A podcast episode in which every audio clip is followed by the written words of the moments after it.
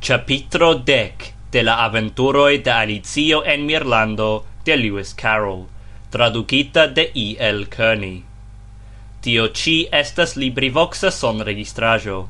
Ĉiuj son registrajoi estas publica vajai Por pliai informoi au por volontuli, bonvolu visiti LibriVox.org. Sonregistraĵo farita de Nicholas James Bridgewater. La aventuroi de Alicio en Mirlando de Lewis Carroll. Capitro dec. La Omara quadrilo. La falsa Celonio profunde ecgemis cae tiris la postan flancon de unu piedajo trans la oculoi Li fixe rigardis Alicion, cae forte penis paroli, sed liai plorgemoi dum celcae minutoi ne ebligis la paroloin. Li condutas, same quasa li havas oston en la gorgio, diris la grifo, cae tui clopodis per fortae scuoi cae manfrapoi sur la dorson eligi la oston Fine la falsa Celonio regainis la voc povon, cae cun larmoi glit falantai sur siae vangoi comensis. Eble, vine logis longan tempon sub la maro. Alicio intermetis, mi neniam. Eble ancao vine niam estas presentita al omaro. Alicio comensis diri, mi unu foion gustumis, sed rapide haltigis sin, cae diris anstataue, mi neniam. Do vi ec ne povas imagi, kia rava afero estas la omara quadrilo. Mi devas confessi che ne, diris Alizio. Kia spezza ci estas?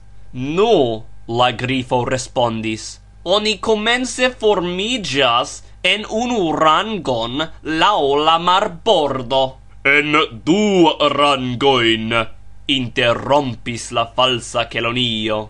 Da focoi, Celonioi, cae cetere.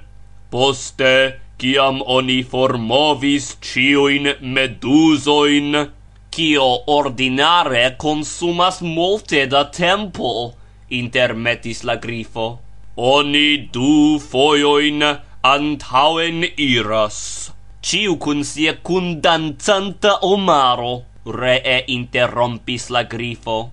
Compreneble, consentis la falsa Celonio, du foioin antauen iras, turnigas cun la cunulo, shangas la cunulon, cae reiras samvice, diris la grifo. Poste, la falsa Kelonio recomensis. oni ja jetas la... La omaroin! Ec cris extitite la grifo, cae saltis en la aeron.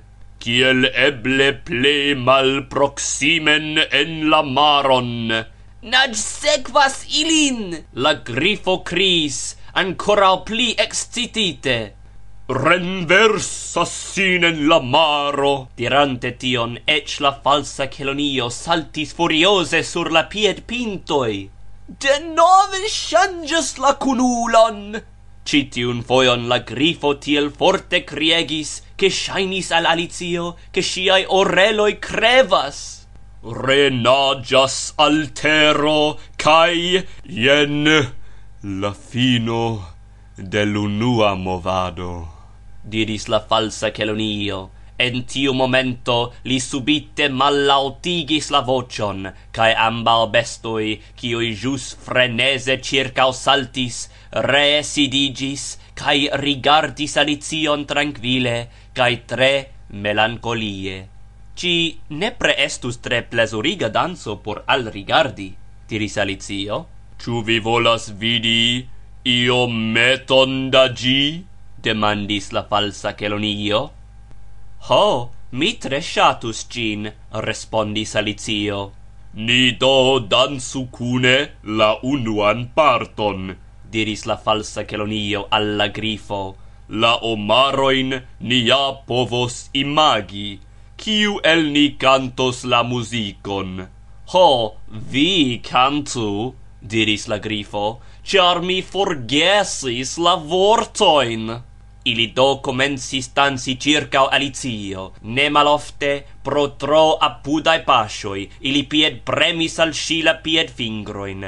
Ambau marcis la tactoin, svingante la dextran antau piedajon, cae tre malrapide, tre triste, la falsa Celonio cantis. O qui pli rapide, Pidu la merlango plende gemas, Ciar foceno pos ni sequas, Cae la voston al mi premas. Celonioi cae omaroi e fervoro cioi bolas, Cae tendas vin sur sablo, ciu vi ancao dansi volas, vi consentas, ciu ne vere vi consentas parto preni, vi consentas, ciu ne vere, ha consentu partopreni, O imagu vi la ravon estis supren alt levita, Esti cuno mar cunulo foren maron forgetita, Ne tro longen diris la limax quante sinti meme, mi ne volas al merlango do rifusis lidan keme. Ia consenti li ne volis li ne povis partopreni. Ia consenti li ne povis li ne volis partopreni. Fiscia amico alli diris ne tre gravas la distanzoi ali borde estes ja alia lando cae la Franzoi. Iu pli longen de Anglujo pli apude al Franzuio do ne timu ĉar sur amba bordoj por vi patrujo. Vi consentas ciune vere vi consentas partopreni vi consentas ciune vere ho consentu partopreni Ciam la danzado finigis, Alicio interne sentis, che gi estas teda, cae ec ne sendangera por si, tamen si diris gentile. Mi tre dankas, mi tre interessigis vidante la danzadon, cae speciale placis al mi tiu curiosa canto pri la merlango. Oh, pri la merlangoe, diris la falsa Celonio, vi compreneble vidis ilin. Ies, Alicio respondis, tre ofte mi vidis ilin en la frit. Pri la frito, mi ne scias kie sidas tiu urbo, diris la falsa Kelonio, sed se vi tre ofte vidis ilin, vi compreneble conas kian aspecton ili havas? Mi credas che yes, diris Alicio, considerante. Ili havas la vostoin en la buŝoj, ancao ili estas covritae per paneroi. Pri la paneroi vi eraras, diris la falsa Celonio. Ili ne povas pro la marvisho teni paneroin sur la corpo, sed pri la vostoi vi ne eraras, cae la causo ja estas. En tiu momento la falsa Kelonio oscedis kaj fermis la oculoin dirante al la grifo. Vi diru al si pri la causo kaj cion tion.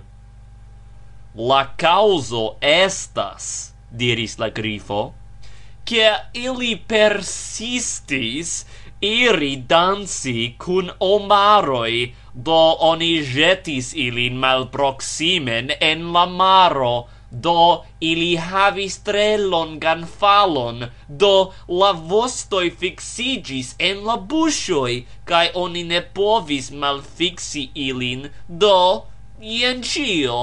Mi dankas, diris Alicio, tio estas por mi tre interesa, Gis hodio mi sciis tre malmulte pri merlangoj. Mi povas diri al vi pli ol tio, se al vi plaĉos, diris la Grifo. Ciu vi scias kial oni nomas tiun mer merlango? Mi neniam pripensis tiun demandon, diris Alicio. Kial do? char gia lango estas ciam en la maro, clarigis la grifo, cae la maron gi prefere silabas per e, nur pro gia partianezzo por la Francoi. Vi credeble rimarcis per kia sopira vocio gi cantis pli apude al Francujo. En la angla texto li tutte alie clarigis la nomon. Por ekkompreni gin, oni devas identigi en la pensoi la vortoin merlango cae blancigilo, cioi en la angla lingvo havas saman sonon whiting. Ien la texta dialogo. Ciu vi scias ciel oni nomas gin merlango? diris la grifo. Mi neniam pripensis tiun demandon, diris Alicio. Kial do? Gi poluras la bot kaj ŝuojn, diris tre solena la Grifo. Poluras la bot kaj ŝuojn? Alicio ripetis tre malrapide, dispecigante la vortojn en la celo eligi la neprecaŝitan signifon. Per kio oni poluras viajn ŝuojn? demandis la Grifo. Alicio rigardis sur ilin, kaj iom konsideris antaŭ ol respondi. Mi credas, ke oni traktas ilin per ciro au iu alia nigrigilo. Tie ci, sub la maro, diris la grifo per tre profunda vocio, oni poluras botoin per blancigilo, do vi nun comprenas kai el kio oni fabricas viajn piediriloin? Alicio demandis scivole. Ho, pri la piediriloi, respondis la grifo, unue mi consilas al vi ne usi tiain longain combinajoin, kiuin nur la plei lertai maranoi povas usi sen la dangero esti mal comprenatai. Due, por respondi la demandon jen la iloj kiujn ni uzas por igi la submaranojn pie diri la veron ni metos sub la piedoj algojn efektive ĉion verdan ĉar bedaŭrinde ne ĉiuj niaj gejunuloj estas instinkte verdiremaj. Se mi estus la merlango diris Alicio, ancora pripensante la canton, mi dirus alla foceno, malantauen, signoro, oni ne besonas vin. La merlangoi ja ciam volas cun havi focenon, diris la falsa Celonio, cae sen foceno neniu prudenta merlango volus voyagi ien en la maro. Ciu vere ne? Alicio demandis tre mirigite. Compreneble ne, respondis la falsa Kelonio, char dum la voyaggio li eble besonos reclami siain comerzajoin en la visitatae havenoi, cae cun havante focenon li povos respondi sengene alla demando «Ciu vi havas afishon?» nur montrante al gi, cae dirante, ien, sidante sur la pacajoi, ien afisho. Char Alicio ne tui comprenis lian clarigon pri la fiscia afiscio, la falsa Celonio offendigis, cae la grifo profitis la silenton por proponi che nun Alicio racontu al ili sian historion. Mi nur povus raconti miain aventuroin comenzante per la hodiaŭa mateno, diris Alicio naive, char ne utilus priparoli la antaŭajn tagoin, ec la hieraŭan, pro tio che mi ne estis la sama persono. Cion tion vi devas clarigi, diris la falsa Celonio. Ne, ne, la aventuroin antau cio alia, diris malpacience la grifo, per clarigoi oni ja terrure perdas la tempon. Sekve Alicio comencis raconti al ili siain aventuroin de la tempo ciam si ecvidis la blancan cuniclon. En la comenzo si sentis sin tre timema pro la facto che ambal bestoi tre al proximigis al si, ce ciu flanco po unu, cae tre large malfermis la oculoin cae bushoin, tamen dum la racontado si iom post iom farigis pli sinfida.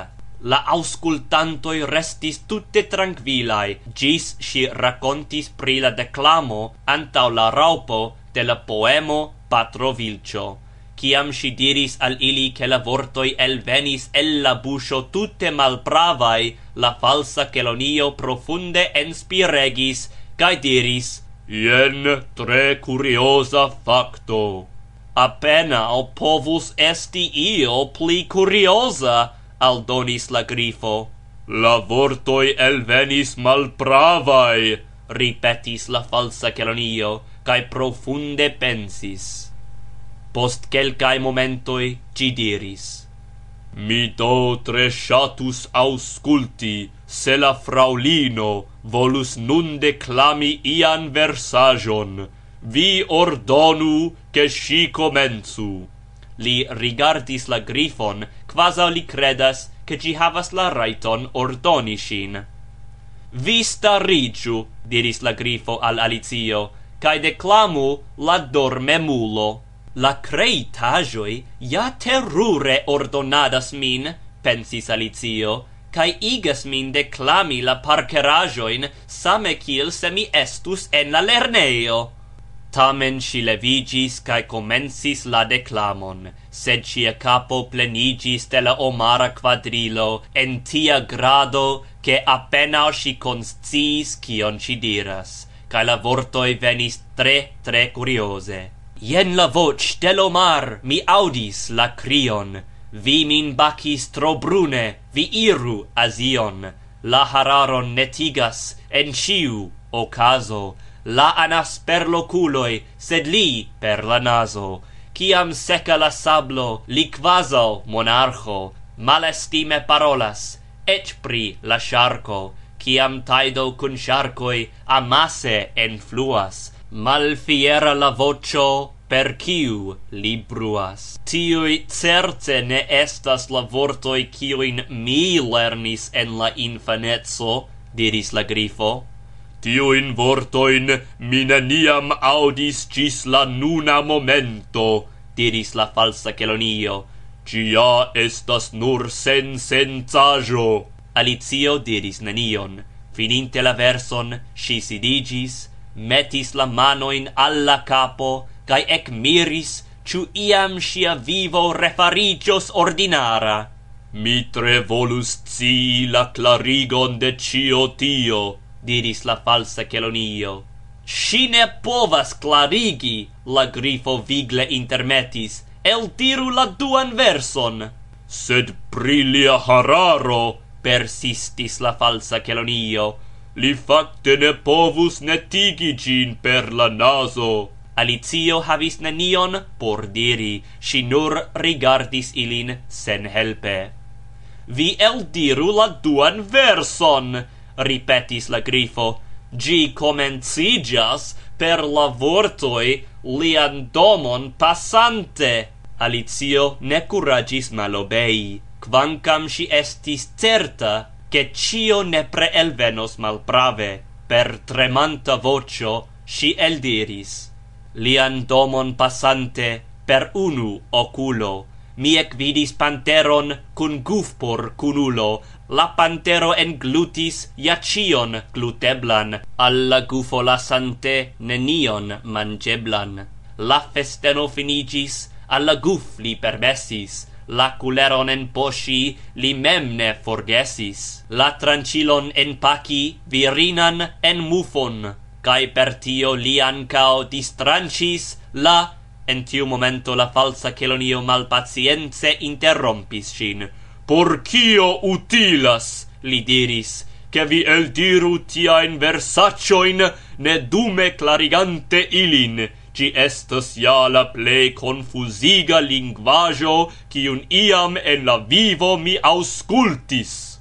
Yes, consente diris la grifo, ancal mi opinias che estos bone ne plu daurigi tiun declamajon. Ancal Alicio tre gioie consentis. Ciu vi volas che ni tradansu la duan parton de la omara danzo? proponis la grifo al ĉu vi eble preferus, che la falsa Kelonio cantu al vi? Ho, mi certe preferus la canton, se la falsa chelonio complesos. Alicio respondis tiel fervore, che la grifo diris offendite. Hm, pri gustoi ne utilas discuti, do, se agrable al vi, carulo, vi cantu por sci, Kelonia supo. La falsa Kelonio ec gemis profunde, cae cantis per vocio, ia foie, plor suffocita. Supo alloga de verda color, preta iela sepa hor. De la vespero la cefa glor, supo po vespera bella vi sup supo vespera bella vi sup supo vespera supo vespera bella ho bella vi sup Ho bella supo pli bona ol truf, ol supo el povida huf cion fordonus mi por suf ice da vi ho bella vi sup. Ice da viho bella vi sup, supo vespera, supo vespera, bella ho bella vi sup, vi sup. De nove la choron criis la grifo, sed ciam la falsa Celonio nur comensis recanti gin, de iu malproxima loco audigis lauta ec crio. La processo comencigas! Vi rapidu do! criis la grifo al Alicio, cae preninte sin per la mano, gi rapidis for, ne attendante la finon de la choro. Pri kio oni procesas? Alicio dum la curado demandis spiregante, sed la grifo nur curis pli rapide, dume sequis ilin pli cae pli mallaute la vocio de la falsa Celonio, finanta per tre melancoliae tonoi la recantagion. Supo vespera supo vespera bella ho bella vi sup. Fino de capitro dec son registrajo farita de Nicholas James Bridgewater en Londono Britio